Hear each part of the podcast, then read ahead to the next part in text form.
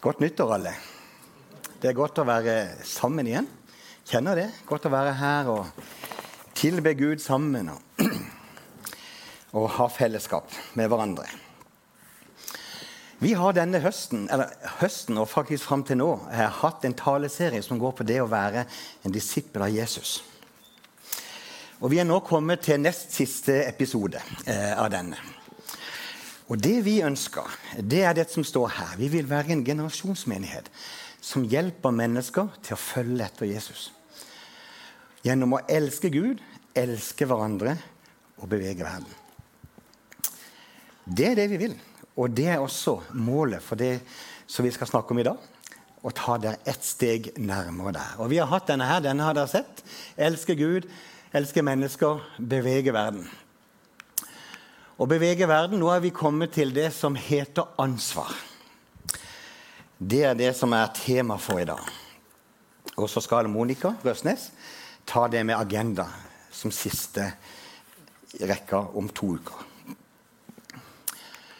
Eh, skal vi se Ja. Eh, for mange så er ansvar et negativt begrep. Nå er du i FAU, så nå har du ansvar for at alle foreldrene leverer kake til julefesten. Eller stiller opp. Det er rart med det når det skal velges FAU-representanter. Så blir folk veldig opptatt av mobilen og sitter og ser ned. og ikke møter blikket til noen der framme. Kanskje ikke dere har det sånn, men, men det var, jeg har vært på noen sånne foreldremøter der det var greia. Gud har gitt oss et ansvar. Men nå skal vi ta deg med på en liten tankerekke eh, som skal vise hvordan dette er. Og Vi skal ta et bibelvers som dere kanskje ikke tenker på som, som ansvar. Men la oss likevel eh, se på det. Men først en liten tankerekke. Bibelen består av to deler. Det gamle testamentet og Det nye testamentet. Testamentet betyr pakt. Eh, så egentlig ordet Gamle testamentet betyr også den gamle pakt. Og Det nye testamentet betyr den nye pakt. Det er Gud som inngår en pakt. Og som sier han det at jeg inngår en pakt med dere. Og Den gamle pakt begynner med Abraham. Det er Gud som møter Abraham og sier jeg vil velsigne deg og gjøre ditt navn stort. Og i det skal alle slekter velsigne oss. inngår de en pakt. Og Så viser hele Bibelen historien om dette. Og Så kommer den nye pakt, så kommer Jesus og innstifter en ny pakt og tar dette enda et hakk ut. Abraham møter vi i kapittel 12 i Det gamle testamentet. I første Mosebok. Det betyr at det er en del før det, som er første Mosebok 1-11. Og dette er før Abraham. Det er på en måte før den gamle pakt. Det er før eh, Så det er noe som er før det. Det er noe som er allmenngyldig. Eh, og en som det, det, var en prest som er død nå, som heter Børre Knutsen. Og mange av dere vet hvem han er. For han var kanskje en av de få profetene vi har hatt i Norge. Som fikk gjennomslag i media for å tale Guds ord inn i en kultur motstrøms. Og han var kanskje en av de mest forhatte menn i en periode i Norge. Fordi han talte Guds ord. Jeg hørte han på en Go-festival med ungdom i oppdrag her i byen en gang. Og Det var 600 mennesker samlet, 600 ungdom samla i badmintonsenteret. Han kom fram. Det hadde vært lovsang og full jubel. Han var ganske konservativ, litt sånn høykirkelig. Så det første han begynner å si, er at det, det var godt å være her, men i himmelen der skal vi synge gregoriansk, sier han til disse ungdommene. og så lo han godt. Og så begynte han å tale. Og når han var ferdig, så var det helt stille. Jeg tror, jeg mener husker at ikke lovsangstimen nesten ikke gikk på. Det var bare du kunne høre en knapp når det falle, for han hadde talt Guds ord inn i en situasjon, og vi, bare, vi var truffet. Børre Knutsen har skrevet ei bok som handler om første Mosebok 1-11. Og Den kaller han for 'Grunnsøylene'. Den kom ut på 90-tallet en gang, og det er en foredragsserie av han. Og det Han kaller disse kapitlene for Urtestamentet. Det er noe som er før. Og tanken er som følger. Gud sier at her har jeg noe jeg vil fortelle dere. Det handler om, om eh, min vei med dere. Men for at dere skal forstå dette, for at dere skal ha sjanse til å skjønne, så er det noe dere må vite. Det er noen begreper dere må ha klart for dere. Det er noen definisjoner omtrent. Det er som omtrent du skal liksom, Hvis du kan fortelle noe nytt til noen, så må du forklare hva enkelte ting er. For hvis ikke de skjønner det, så har du heller ikke måte, mulighet til å skjønne det som kommer etterpå. Og det gjør Gud i første Mosebok 1-11. Da introduserer Gud seg selv. Dette er Gud som trer fram og sier 'Sånn er jeg', og 'sånn er dere', og her er relasjonen mellom oss. Først, og Jeg skal lese noen kapitler, noen vers fra første Mosebok 1. Skapelsesberetningen. Og den handler ikke sier Børre Knutsen, om naturvitenskap. Den handler om Gud. Det er en historie om hvem Gud er. Ikke, dette handler ikke om naturvitenskap. Vi skal ta de punktene. Og, og han og sier det at dere må forstå hvem Gud er. For hvis ikke så kan du ikke skjønne det som kommer bak. Og La oss se da på første Mosebok 1. Vi skal lese om få vers, ikke hele. Men hva er det Gud sier om seg selv? Først vi skal lese. Dette er bare noen få versene. Jeg hopper over flere. I begynnelsen skapte Gud himmelen og jorden. Jorden var øde og tom, mørket lå over dypet, og Guds ånd svevde over vannet. Da sa Gud, 'Det blir lys.' Og det ble lys. Gud så at lyset var godt, og Gud skilte lyset fra mørket. Gud kalte lyset dag, og mørket kalte han natt. Og det ble kveld, og det ble morgen første dag. Så går det flere dager, og så sier han da Gud sa vannet under himmelen skal samle seg på ett sted. Det tørre landet skal komme til syne. Og det ble slik. Gud kalte det tørre landet jord, og vannet som hadde samlet seg, kalte han hav. Og Gud så at det var godt.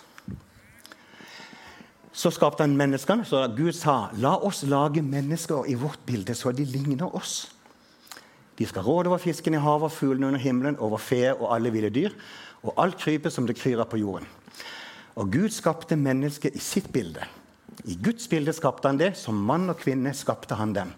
Gud velsigna dem og sa, Vær fruktbare og bli mange, fyll jorden og legg det under dere. Dere skal råde over fisken i havet, over fuglen under himmelen og over alle dyr som det kryr på jorden. Gud så på alt det han hadde gjort, og se, det var svært godt. Og det ble kveld, og det ble morgen sjette dag. Og så kommer den syvende, som er hviledagen. Og så var det noen dager imellom her. Det Gud gjør her, er ikke primært å fortelle om noe som skjedde, men han forteller noe om seg selv. Hva han gjør. Og det er ikke bare noe han gjorde, for Gud forandrer seg ikke. Det han gjorde da, det gjør han nå. Vi skal se litt på noen av disse tingene. Hva er disse grunnsøylene, som Børre Knutsen kaller det for? Dette er fundamentet. Hvis du tar ut noe av dette, så dette er fundamentet, da faller på en måte noe av Da blir grunnmuren ustø. Det er som et hus. Hvis du har en grunnmur og du plukker ut deler av den, så begynner byggverket å vakle. Og tar du ut for mye, så faller det helt. Det første er det er Gud som har skapt alt. Og det er ikke en ukontroversiell eh, sannhet i dag. Mange mener at det ikke er sånn. Det, man tenker seg at, at, at verden er blitt til ved en tilfeldighet. Men her sier Bibelen at han har skapt alt, og han ropte lys inn i mørket. Han skapte orden i kaos. Og det gjør Gud da, og det gjør han nå. Det er en del av hans karakter å rope lys inn i mørket. Og Gud, fordi han har skapt verden, så eier han verden. Han etablerer her sin autoritet over verden. Da sier han det at 'jeg har skapt han, og dermed ut ifra det så eier han. Så skapelsesberetningen går i rette med det at dette kom tilfeldig. Neste det er bare Gud som er Gud, og som skal tilbes. Bare han. Og det er heller ikke i vårt samfunn noe som er akseptert. På den tida der uh, dette er beskrevet, og for så vidt i alle kulturer, så har dager vært innvia til guder. Ulike guder styrer på ulike dager. Og den guden som styrer den dagen, den skal du tilbe. Og, og dagene får navn etter guder. Vi har også det i våre dager. Hvilke dager har vi? Vi har solas dag. Vi har månens dag. Vi har Tyrs dag. Tyr var en norrøn gud. Vi har Odins dag. Vi har Tors dag. Vi har Frøyas dag. Frøya var den norrøne fruktbarhetsgudinnen. Og vi har Saturns dag, som vi kaller badedagen, laugardagen. Men på engelsk heter det Saturday. Saturn var en romersk gud. Og Tanken er at hver gud styrer sin dag. Og du tilber den guden som styrer. Men her kommer Gud, og så sier han, 'Hvem har skapt den første dagen?' Jo, det er han. Hvem skal du tilbe den første dagen? Jo, det er han. Hvem har skapt den andre dagen? Jo, det er Gud. Hvem skal du tilbe den andre dagen? Jo, det er han. Hvem har skapt den tredje dagen? Jo, det er Gud. Hvem skal du tilbe den tredje dagen? Jo, det er Gud. Så poenget her er ikke å snakke om dager og år, for Gud er én dag som tusen år, og tusen år som én dag. Men her sier han jeg har skapt alle dager, og det er meg du skal tilbe alle dager. Guds vilje er god. Det er det mange som ikke tror, selv kristne. Er det godt å følge Guds vilje? Her sier Bibelen at Guds vilje er god. Gud så på hva han har skapt, og det er godt. Det er godt å følge Gud. Ikke glem det når noen sier vel, den kristne innflytelsen er skadelig. Det å høre på Gud det fører til psykiske problemer eller nevroser, for det har Gud vil bare innskrenke oss. Bibelen sier at Guds vilje er god. Og det er en del av fundamentet for vår tro. Dette her er fundamentet i troen vår.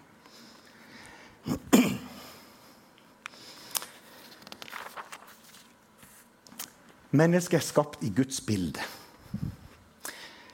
Dette er viktig. Til alle tider har herskere satt opp bilder av seg selv. I Pyongyang i Nord-Korea så står det to store statuer av Kim Il-sung og Kim Jong-il. Far og bestefar til han som styrer i dag. Og Der må folk gå forbi, og de må bøye seg for bildet. Hvis du ikke bøyer det, så fornærmer du herskeren. Og samme Hvorfor, når muren falt, så reiv de ned statuer av Lenin og Stalin? Fordi disse representerte herskeren. Å fornærme bildet var å krenke herskeren. Vi er skapt i Guds bilde. Hvis vi krenker Guds bilde, så fornærmer vi originalen. Har jeg tenkt på det?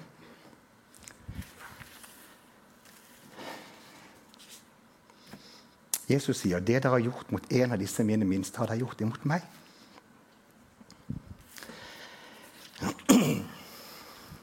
En som heter Jeremiah, nei, Jonathan Tremaine Thomas. Han leder noe som heter Civil Righteousness. Det er en organisasjon i USA som går inn og bringer forsoning inn mellom svarte og hvite i disse opprørene etter politivold. Sånn, så er det opptøyer på gaten. Han går inn, og de ber, og de bringer forsoning. Han sier det at det, rasisme er hat mot Guds bilde. Hvis du er en rasist, hvis du hater mennesker for deres hudfarge, så hater du Guds bilde. Fordi den personen er skapt i Guds bilde, og han er et bilde av Gud. Så hvorfor er det så galt med rasisme? Jo, fordi når du krenker bildet, så forakter du originalen. Hvorfor sier Jesus at vi skal elske våre fiender? Jo, fordi våre fiender er skapt i Guds bilde. Den personen som du ikke liker, er skapt i Guds bilde. Hvis du hater din fiende, så hater du en som er skapt i Guds bilde. Du hater Ja. Hvis du forakter bildet, så forakter du originalen. Jesus sier om du bærer offergaven din fram til alteret, og der kommer til å tenke på at din bror har noe imot deg, så la gaven ligge foran alteret. Og bli, gå og først og bli forlikt med din bror. Kom så og bær fram din gave på alteret.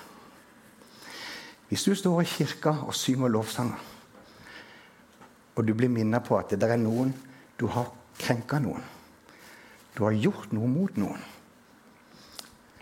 så sier Jesus 'gå og forlik deg' før du kommer.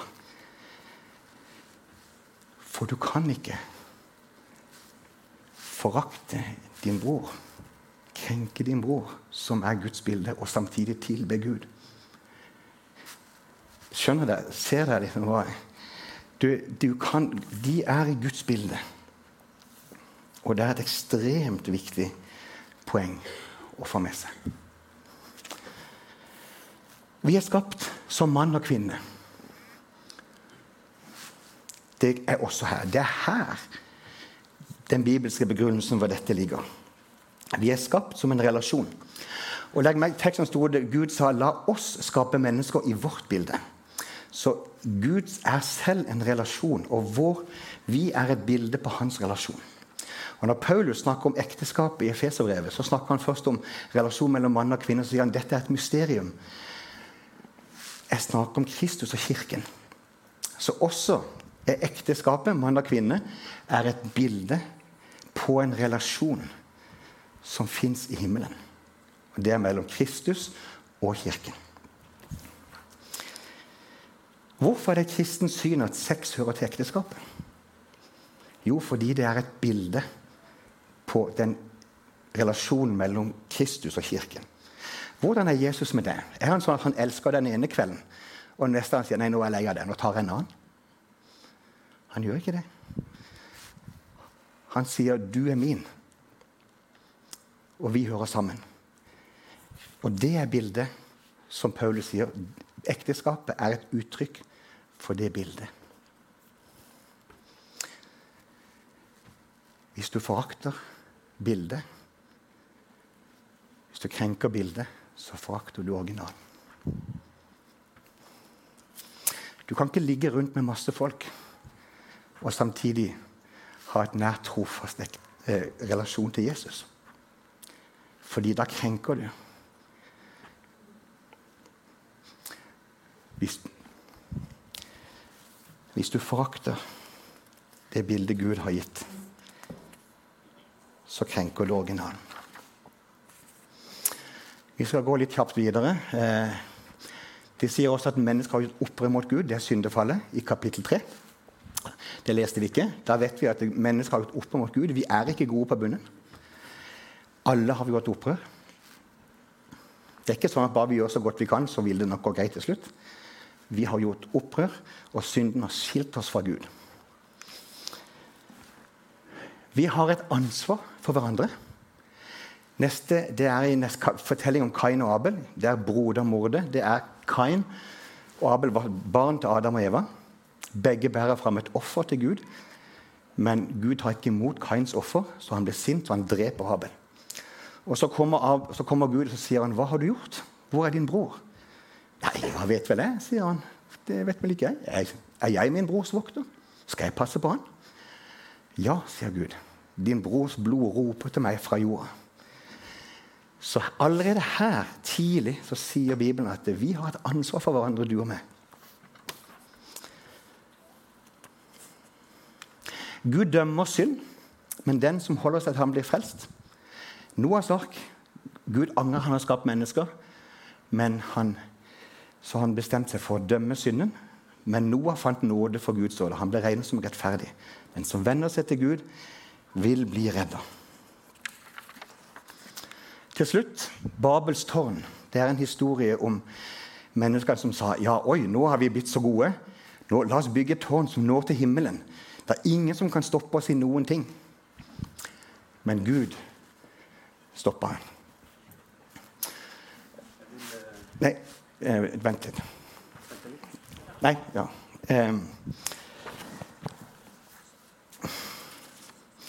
Dette her er helt sentrale ting i vår tro.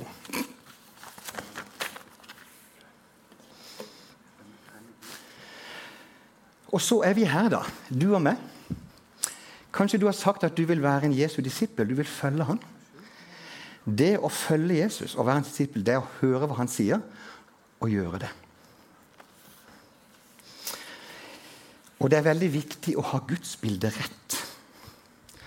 Mange tror at Gud er en slags nisse som sitter oppe i himmelen og sier ho, ho, er det noen snille barn på jorden? Og hvis du er snill, så er Gud glad i deg. Hvis ikke, så liker han deg ikke så godt. Men Gud elsker deg, og han vil aldri la være. Og vet du hvorfor det? Fordi du er skapt i hans bilde. Hvis Gud hadde avvist det, hva hadde han gjort da? Da ville han avvist sitt bilde, og i siste instans avvist seg selv. Og det kan han ikke, og det vil han ikke. Så han vil alltid ta imot det. Men Og du skal gjenspeile originalen som er i himmelen. Du og meg, vi skal gjenspeile originalen. Og da betyr dette to ting. Da skal vi eh, konkludere. Det betyr du er skapt i Guds bilde, og du er hans representant der du ferdes. Og Når du blir kjent med Gud, så begynner, han, så begynner det å skje to ting med deg. Du begynner å se deg selv med hans blikk. Du, du ser deg selv for hvem du er. Det er mange som ser ned på seg sjøl. De tenker lite om seg selv. Men Gud gjør ikke det. Og, og han vil at du skal se deg selv med hans blikk, som den du er. Du er hans representant. Du kan, skape, du kan bringe lys inn i menneskers mørke. Gud gjør det. Og du er hans bilde. Du kan reflektere hans lys inn i andre menneskers mørke. Og, ditt, og her kommer ansvaret. Ditt ansvar er å stille deg på en sånn måte at du får være en kanal. Du må lytte til Gud og høre hva han sier. Hvis ikke du lytter, så vil du heller ikke høre. Det betyr at du kanskje av og til må legge ned mobilen din noen ganger. Kanskje av og til så må du ta en pause i gaminga. Kanskje må du skru av Netflix og lytte. Kanskje skal du en dag si i dag skal jeg ikke se Dagsrevyen, sånn som jeg alltid gjør. Men jeg skal ta de minuttene og faktisk lytte til Gud. Hva han sier til meg. For Jesus sier 'uten meg kan dere ingenting gjøre'. Det er der vi må bære frukt. Og det andre er at mennesker, du begynner å se også andre mennesker med Guds blikk. At andre mennesker er også skapt i Guds bilde. Det betyr at de menneskene du har rundt deg, enten det er kollegaen din, den litt vanskelige kollegaen, eller den naboen som ikke vil hogge treet, som skygger for din tomt, eller familien din eller noen, de er skapt i Guds bilde. Og du er kalt til å elske dem fordi han elsker dem. Ja, men de gjør så mye teite ting. Ja, men når ble det en betingelse for å ta imot, for å være elsket av Gud? Da hadde ikke mange av oss vært der. Men Gud elsker dem. Er det noen du ser ned på, som du forakter?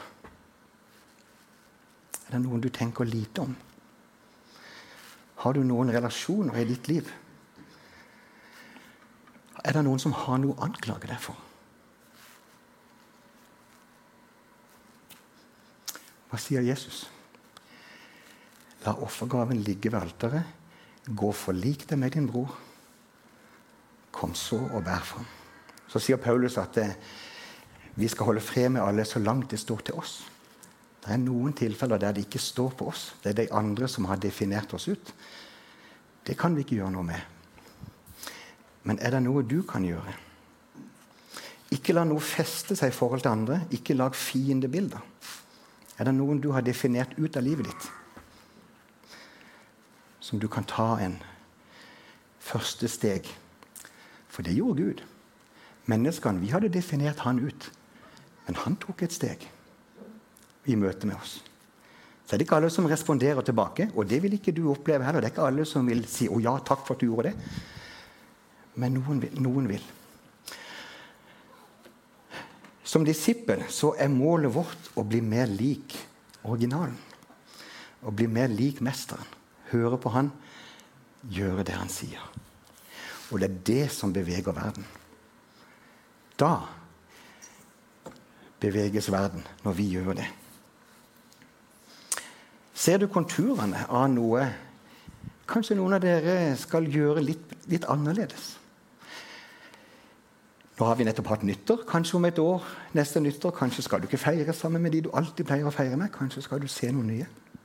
Kanskje skal du inkludere noe nye i livet ditt. Noen som trenger det. Jesaja 50 sier, 'Herren Gud har gitt meg en disippels tunge', så jeg kan styrke den trette med et ord. Morgen etter morgen vekker han mitt øre, så jeg kan høre på disiplers vis. Yes. Og når vi lytter, så skjer det ting. I går, i denne salen, her vi er nå, for litt over tolv timer siden, så var det ei som lytta til Gud. Evin. Og så inviterte hun fram til forbønn. Så kom det 15 ungdommer og ga sitt liv til Jesus her i salen i går. Og det er fantastisk. Når vi lytter, når vi lytter og handler Tenk om vi her hadde lytta. Og mange gjør det, men om vi sammen hadde Ja. Da beveges verden. Og så, så er det en tesis til slutt eh, Det er en historie i Det gamle testamentet om Jakob som møtte Herren. Og så, sa, og så, begynte han å slåss, og så sa han til Gud at 'jeg slipper deg ikke før du velsigner meg'. Skal vi gjøre det sammen? Rope til Gud og si 'jeg slipper deg ikke før du velsigner'. Fortell oss hva du vil. Ja, Herre, vi vil lytte. Og vi vil gjøre som du sier. Amen.